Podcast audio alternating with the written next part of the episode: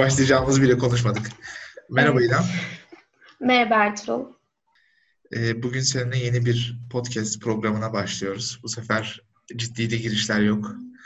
Normal sohbet havasında bir podcast olmasını umuyoruz. Ve e, aslında bu ilk yayını da bu podcast'te neden başladığımız, nasıl yürüteceğimiz, e, ne tür bir dil kullanacağımız üzerine e, konuşmak üzere planladık. Umarım bizim için de biraz daha kafamızdakileri toparlayabileceğimiz bir yayın olur. Ya evet aslında çok uzun zamandır biz seninle bu podcast yayınını konuşuyoruz. Yani belki birkaç aydır böyle farklı bir program yapalım diye ama bir türlü oturup başlayamadık. Kafamızda da aslında oturtamadık da nasıl bir şey olsun, ne yapabiliriz diye.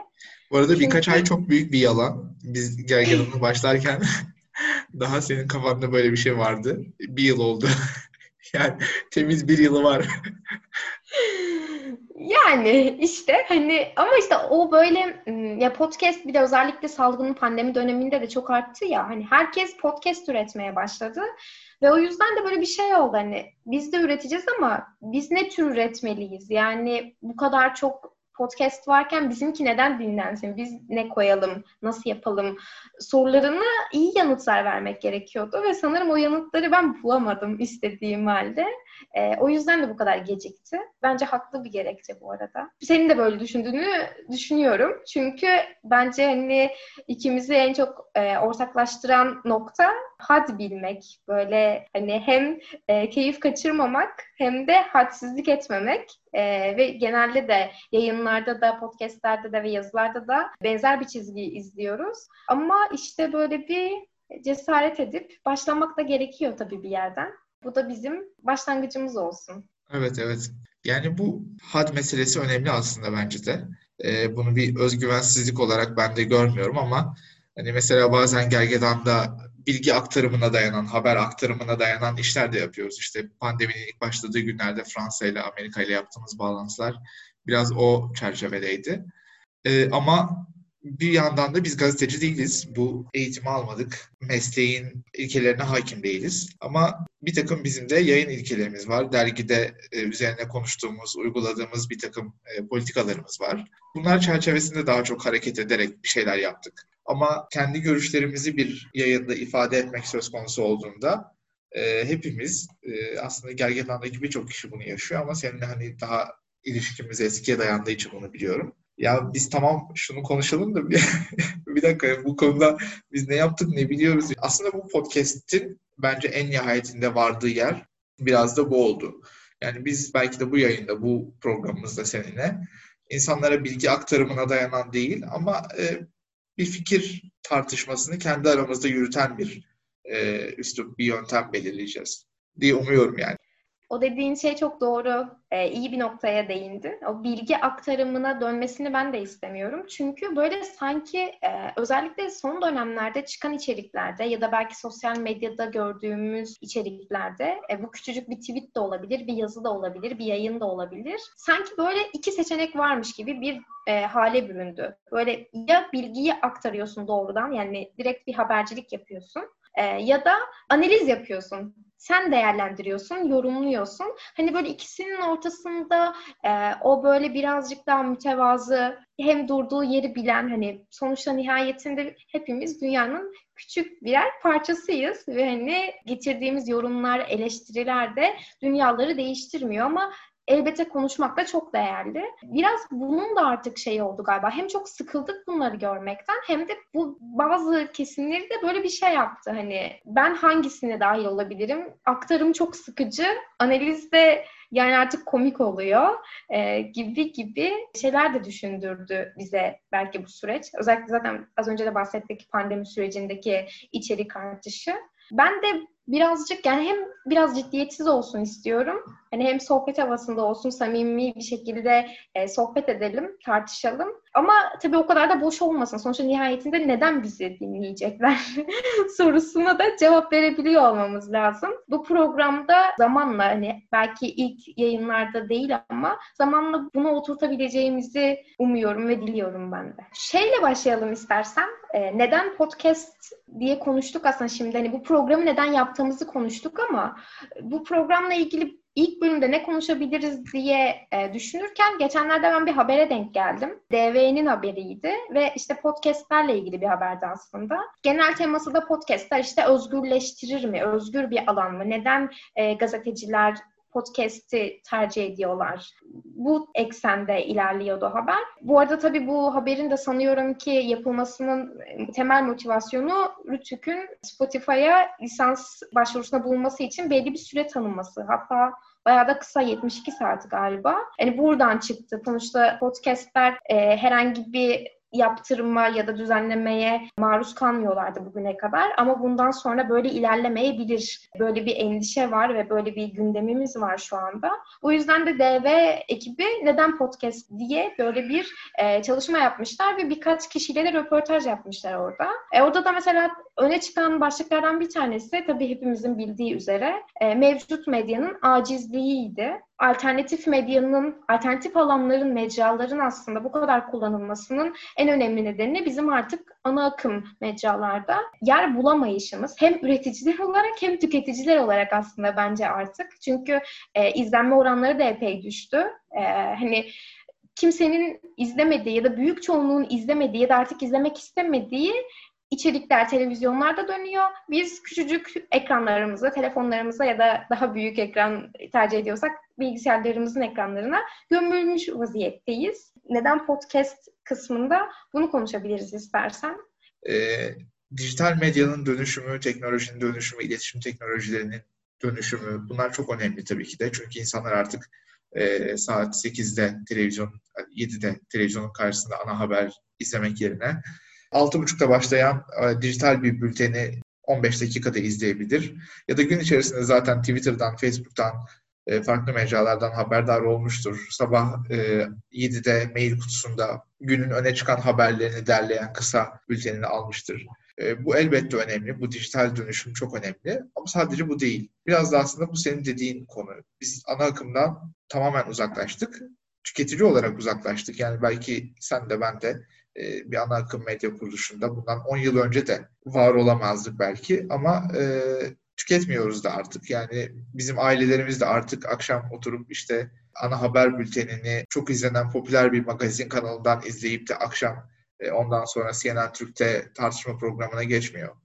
E, artık insanlar hem dijital alternatifleri kullanıyorlar hem de e, bu ana akımın kendisini vasatlaştırmasından sıkıldılar. Bugün baktığımızda şimdi bile açsak mesela e, bu ana akım dediğimiz merkez medya haber kanallarını muhtemelen 6 tane erkek, 50 yaş üstü 6 tane erkek e, karşı karşıya oturmuş.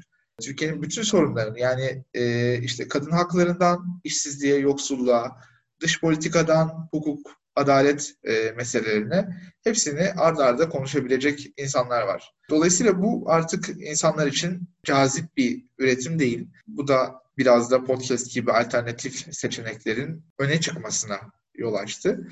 Ee, ama bu öne çıkma ifadesi de tabii şey yaratmasın. Herkes podcast dinliyor işte YouTube haberleri e, çok büyük etki yaratıyor falan gibi bir algı da yaratmasın. E, çünkü ben hala belki katılmazsın bilmiyorum ama bu konvansiyonel medya araçlarının Türkiye'de toplum nezdinde çok etkili olduğunu düşünüyorum. Çok çok etkili olmakla birlikte e, giderek e, saygınlığını kaybediyor. Ama bir yandan da dediğim gibi bu alternatif araçlarda artık birçok insan için temel başvuru kaynağı. Bu söylediğin Doçevelle'deki haberde bu farklı yorumcuların gözünden değerlendirilmiş. E, bunların içerisinden Kemal Göktaş'ın yorumuna hak verdim ben e, okurken sen attıktan sonra. E, hani özgürlük iddiası bir yanılgı olabilir diyordu orada da Kemal Göktaş.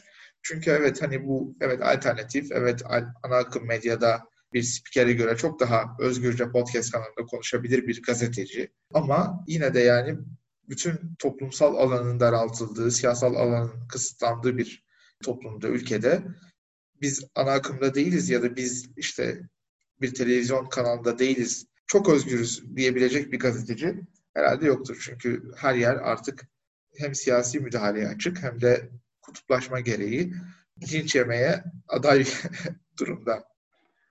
Ya aslında şöyle haberde zaten e, şu an belki yine Kemal Göktaş'tır emin değilim ama bir erişim probleminden de bahsediliyordu. Yani daha özgür olabilir, daha rahat davranılıyor olabilir podcastlerde ya da bu tarz alternatif mecralarda ama buna herkesin erişimi yok ve hani özellikle podcast özelinde e, görsel iletişim kadar etkili olmadığı için bizlerin ekranına o kadar düşmüyor ya da o kadar haberdar olmuyoruz içeriklerde de o kadar hakim olmuyoruz gibi bir düşünce de vardı.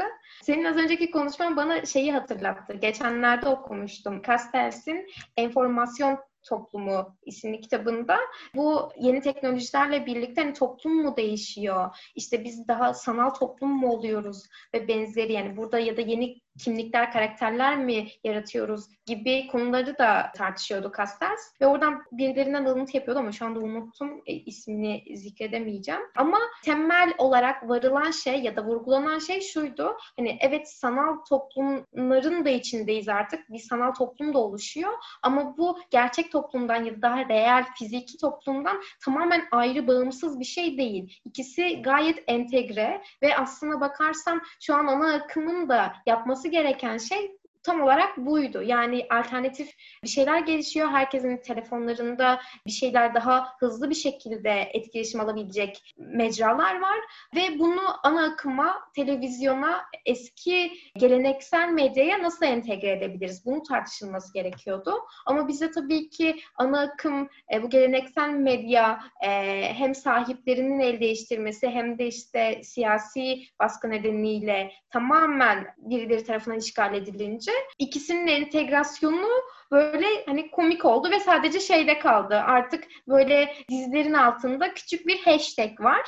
Maksimum entegrasyon bu hani. E, hashtagle tweet atabiliyoruz diziler hakkında. Onun dışında televizyon ve sosyal medyanın pek de bir entegrasyonunu göremiyoruz. Belki bazen işte haber programlarında ya da tartışma programlarında bu etiket kullanılarak soru vesaire isteniyor ama hani bunlar gerçek bir entegrasyon mudur? Yani e, anlamlı bir entegrasyon mudur ya da e, tartışılır tabii. Ve bu erişim problemi de e, ilerleyen dönemlerde de bence bu tarz mecraların yani en büyük problemi olacak. Evet yani bu interaktivite mi, etkileşimlilik e, denebilir söylediğine bir yandan da. Artık çağımız bir etkileşimlilik çağı. Televizyonda da aynı şekilde yani siz kameraların önündesiniz diye kameraların arkasındaki milyonlarca insana bir şeyler anlatma e, ya da bilgilerinizi aktarma hiyerarşisine sahip değilsiniz aslında. Bir etkileşim kurmak zorundasınız. Evet, e, sizin orada olmanızın bir takım avantajları var. Ama bu avantajı bir etkileşimle desteklemek, dediğim gibi dijital medya araçlarıyla entegre ederek kullanmak çok daha başarılı bir yöntem ve bunun da bence örneklerini gördü aslında televizyon. Ama bir yandan da bu riskli tabii ki de her zaman. E, çünkü klasik biline gelen e, medya yöntemi çok fazla risk, risk taşımıyor. Çünkü spiker zaten kameranın arkasında hatta dünyada olan pek çok şeyden habersiz. Kulağına söylenen e, şeyleri okuyabilir ya da e, spontane bir durum varsa yine kulağına söylenenler doğrultusunda reaksiyon verebilir. Dolayısıyla bu güvenceli alanı terk etmek e, medya için çok zor bizim aslında alternatif alanlara yönelmemizin sebeplerinden bir tanesi tabii ki de bu. E, çünkü biz bir şeyler söylemek istiyoruz. Söylediğimiz çok değerli, çok kıymetli olmayabilir. E, senin dediğin gibi yani bir söz söyledik diye dünyada değişmeyecek. Ama neden biz söylemeyelim ki? Yani neden biz e, sürekli başkalarını dinleyelim? Bu biraz yorucu. E, insanlar da hep bizi dinlemesinler. İnsanlar da işte İrem'in ne kadar kötü bir podcast yayıncısı olduğunu bize yazsınlar. Bence bu çeşitlilik alternatif dijital medya araçlarının e, kattığı en önemli zenginlik. Bu arada sen anlatırken şu an bir düşündüm de şimdi sonuçta podcast'te bir kayıt alma işlemi ve bizim de aslında hani bunu çekerken en azından bir etkileşim alma gibi bir şansımız yok. O yüzden aslında programı böyle başlatırken ve bu konuşmalarla başlattığımız için daha doğrusu bu etkileşimi nasıl sağlayabiliriz? Belki de bunu konuşmamız gerekiyor. Çünkü dediğin şeyler çok doğru, çok haklısın e, ve etkileşimsiz bir şekilde bundan sonra medyanın ya da içeriklerin böyle çok da ilgiyle takip edilebilmesi epey zor. Yani alanında çok iyi isimler olmalı, zaten kendini kanıtlamış insanlar olmalı ya da içerikler olmalı ki insanlar e, o etkileşimi hani olmasa da olur e, minvalinde değerlendirip o içeriği tüketmek istesinler. Şimdi düşünüyorum kendi bir tweet atması varken ya da konuşması varken hop bir canlı yayın başlatması varken Instagram'da neden gelip burada yarım saat bir saat başka birilerini dinlesin? Hani bu ama şöyle bir şey de var tabii ki. Nasıl ki radyo dinlerken keyif alıyoruz ve hani aslında dinlemeyi de seviyoruz bir yandan bir şeyler duymayı da. Ve özellikle bu tarz sohbetleri dinlemek de farklı keyif veriyor. Ama onun hani bizi dinleyenlerin dönütünün burada e, görülmesi. E, geçen gün de şöyle bir yorum alınmış ya da şöyle bir şey istenmiş gibi hani şey nasıl denir işlemek olması yani bizim bunu ciddiye almamız ve değer vermemiz de önemli. Bu da böyle ilk programın şeyi olsun bizim için küçük bir notu olsun. Şu an sen söylerken buna çok dikkat etmeliyiz diye böyle beynimde alarmlar yandı resmen. Evet bu konuda biz de formüller düşünelim bir yandan. Gelirse öneri hem e, bizim ekibimizden hem Gergedan'ın okurlarından, dinleyicilerinden çok bizi mutlu eder. E, etkileşimin sürekli devamlı olduğu bir yayın bence de amaçladığımız şey için daha anlamlı olur. Bakalım tekrar yani e, hem konularımız açısından yani ele alacağımız, konuşacağımız konular üzerine hem de konuşma yöntemimiz, işte podcast'in formatı üzerine insanların katkılarını alabileceğimiz araçlar düşünelim. Bu arada bu etkileşimi istiyoruz ama hani şey gibi bir iddiamız da yok şu an böyle sanki şey oldu. Herkes bizi dinleyecek ve kesinlikle yorum yapacaklar ve üzerine biz de bunu dinlemek zorundayız gibi. Hani çok küçük bir e, kitlemiz olacağını düşünüyoruz. Hani bunun farkındayız yani. O yüzden hani böyle çok da cüretkar bir şey gibi olmasın. Hani bir kişi dahi dinliyorsa o, o kişiyi de burada belli ölçüde e, aramızda görelim. E, onun dönüklerini de alalım diye bu konuşmaları yapıyoruz. Bir ya da atıyorum 2-3 kişi dinliyorsa ve e, bu programı dinleyen 2-3 kişi olduğunun farkındaysa bu samimiyeti açısından programın çok keyifli bir şey dönebilir. Böyle kendimizi 4 kişilik bir klan yaratıp yıllarca bu programda buluşabiliriz. E, dinleyicilerin de hani istemesi ya şu çocukları yazayım boş konuşuyorlar demesi güzel olur bence. Çok şey farklı bir iletişim yaratır aramızda. Çünkü bu programdaki bizim asıl e, amaçladığımız şeylerden bir tanesi de samimiyet. Yani çok fazla filtreden geçirmeden burada konuşmak istiyoruz. Derdimiz bu. Evet tamam ister istemez belli şeylerde kısıtlanıyoruz. Bir yandan kısıtlanmak da iyi, filtreden geçirmek de iyi. O kadar da filtresiz pek çok podcast programı zaten bulabilirsiniz podcast yayınları arasında. Ama burada filtrenin asgariye indirildiği, en düşük düzeye indirildiği şey geldi aklıma bu arada şimdi konuşurken. Acaba kendimize böyle birkaç kural mı belirlesek diye düşündüm. Üniversite döneminde ders çalışmak için arkadaşlarıma gittiğimde birkaç tane ev kuralı belirlemişlerdi. Böyle kapının yanında asılıydı. Ve hani kurallardan biri mesela şeydi. Gelecekten konuşmak yasak e, son sınıf öğrencisiydik ve herkes ne yapacağını bilmiyordu. İşte yüksek lisans mı yapacak, çalışacak mı? O esnada her birinin başvurusu vardı. Hani her yere saldırırcasına başvuruyorlardı ama bazen olumsuz dönüş geliyordu işte ya da işte diğer aşamaya kalıyorlardı falan. Her şey belirsizdi kısacası. O yüzden de onların o dönemki evinin yegane kuralı gelecekten konuşmak yasaktı. Ve çok hoşuma gitmişti öyle bir kural koymaları ve bunda uzlaşmaları. Belki biz de böyle en azından bir ya da iki tane çok net kurallar belirlemeliyiz ki hani arada podcast sıkıcılaştığında, ciddileştiğinde ya da çok labalileştiğinde bilemem artık nasıl bir podcast istiyorsak diğerimiz uyarabilir kuralımızı hatırla diye. Ee, bunun üzerine düşünelim bence. Belki e, dinleyenlerden de böyle bir katkı gelebilir ya da şu anda aklında beliren bir şey varsa. Programın adı olabilir ya İrem. Gelecekten konuşmak yasak. Güzel yani. Çok iyi. Yeni alternatif rock grupları diye bir Twitter hesabı vardı ya. böyle rock grubu isimleri, isimleri diye. Ee, onlardan biri olabilir yani. Bizim yayınımızın adı da olabilir. Düşünelim. Bence bu kurallar evet mantıklı. Tamam olabilir evet. Ben de şu an e, sen konuşurken aklıma geldi. Ee, çok o zaman ilk gördüğümde de çok e, beğenmiştim. Arkadaşlara telif öderiz ya. O kadar da olur. Öderiz. Bu arada o arkadaşlarımın ikisi de e, Fransızlılar şu anda yüksek lisans yapıyorlar ve aynı zamanda da çalışıyorlar. o yüzden işte her şey. Gelecekten konuşmamanın faydalarını görmüş görmüşler. Aynen. Yani. Evet, evet öyle gerçek. Peki son olarak var mı konuşacağımız bir şey? Bence bu arada konuşurken kafamızda en azından bu yayın formatında belki bunun bir tık üstü bir tık altı bir şeyler belirdi, canlandı gibi sanki üslubumuz. Ama tabii konuşacağımız konuları belirlemek bizim için en büyük sıkıntı. Şimdi bizi dinleyenler diyebilir ki madem konuşacağınız konular aklınızda yok. Siz neden yayın yapıyorsunuz? Hani tabii ki konu var ama hani hangisi olsun, nasıl olsun, ne zaman olsun gibi soru işaretleri oluyor. Bir de açıkçası hani çok mu güncel olsun, hep o haftanın gündemine dair bir şeyler mi olsun? Böyle haber e, spikerliği gibi değil ama hani mesela aklımda benim şey vardı. Hani o ara karşımıza çıkan şeyleri konuşabilir miyiz? İşte çünkü bu bir kitap da olabilir, bu bir söz de olabilir. Yani gerçekten hayatımızda, günlük hayatımızda karşılaştığımız şeyler e, zihinlerimizi çok farklı yerlere bizi evriltebiliyor. Çok farklı şeyler düşündürtebiliyor. E, bunun da böyle önemli olduğunu düşünüyorum. Hani bu tarz bir formatı sürdürülebilir olur mu tabii? Her hafta böyle ufkumuzu açacak bir şeyle denk gelir miyiz? bu da bir soru.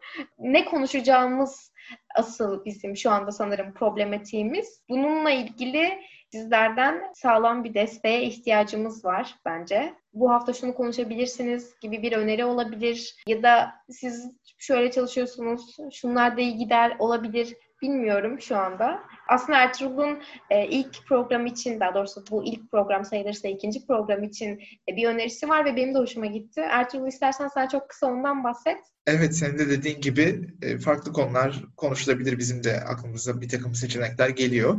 Nasıl şu anki yayında birazcık işte podcast neden yapılıyor? Türkiye'de podcast neden alternatif bir iletişim aracı olarak görülüyor? Üzerine konuştuğumuz gibi e, ikinci aslında belki de birinci olacak o içerik bakımından. Yine e, iletişim ve sosyal medya üzerine e, konuşmayı düşündük.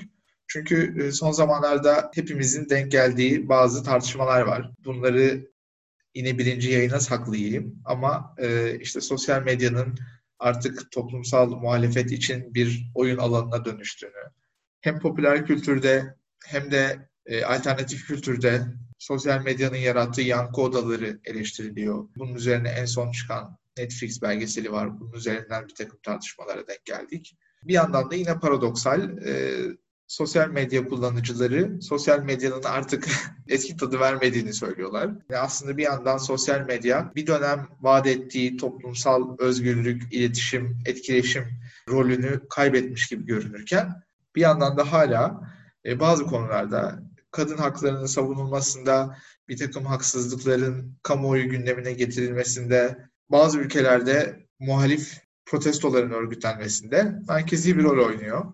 Dolayısıyla böyle sosyal medyanın bu çelişik, bu paradoksal konumunu, rolünü konuşarak belki başlayabiliriz dedik. Çünkü biz de ister istemez hem sosyal medya kullanıcısıyız bireysel olarak e, hem de gergedan üzerinden sosyal medyayı e, hayatımızın bir şekilde birinci konumunu taşıdık.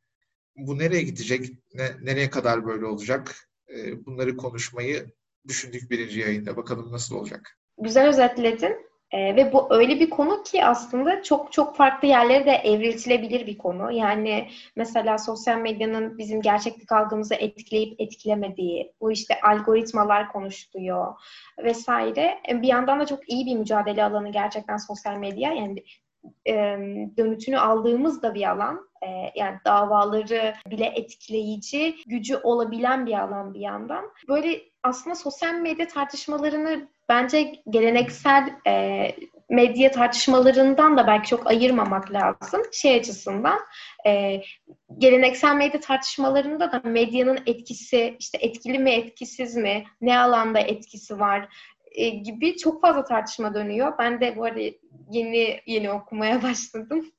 Yüksek lisansa başladığım için. E, o yüzden de sosyal medyada bunun aslında yeni öznesi. Hani bu tartışmalar dönüyordu ama geleneksel medya için dönüyordu. artık sosyal medya için dönmeye başladı.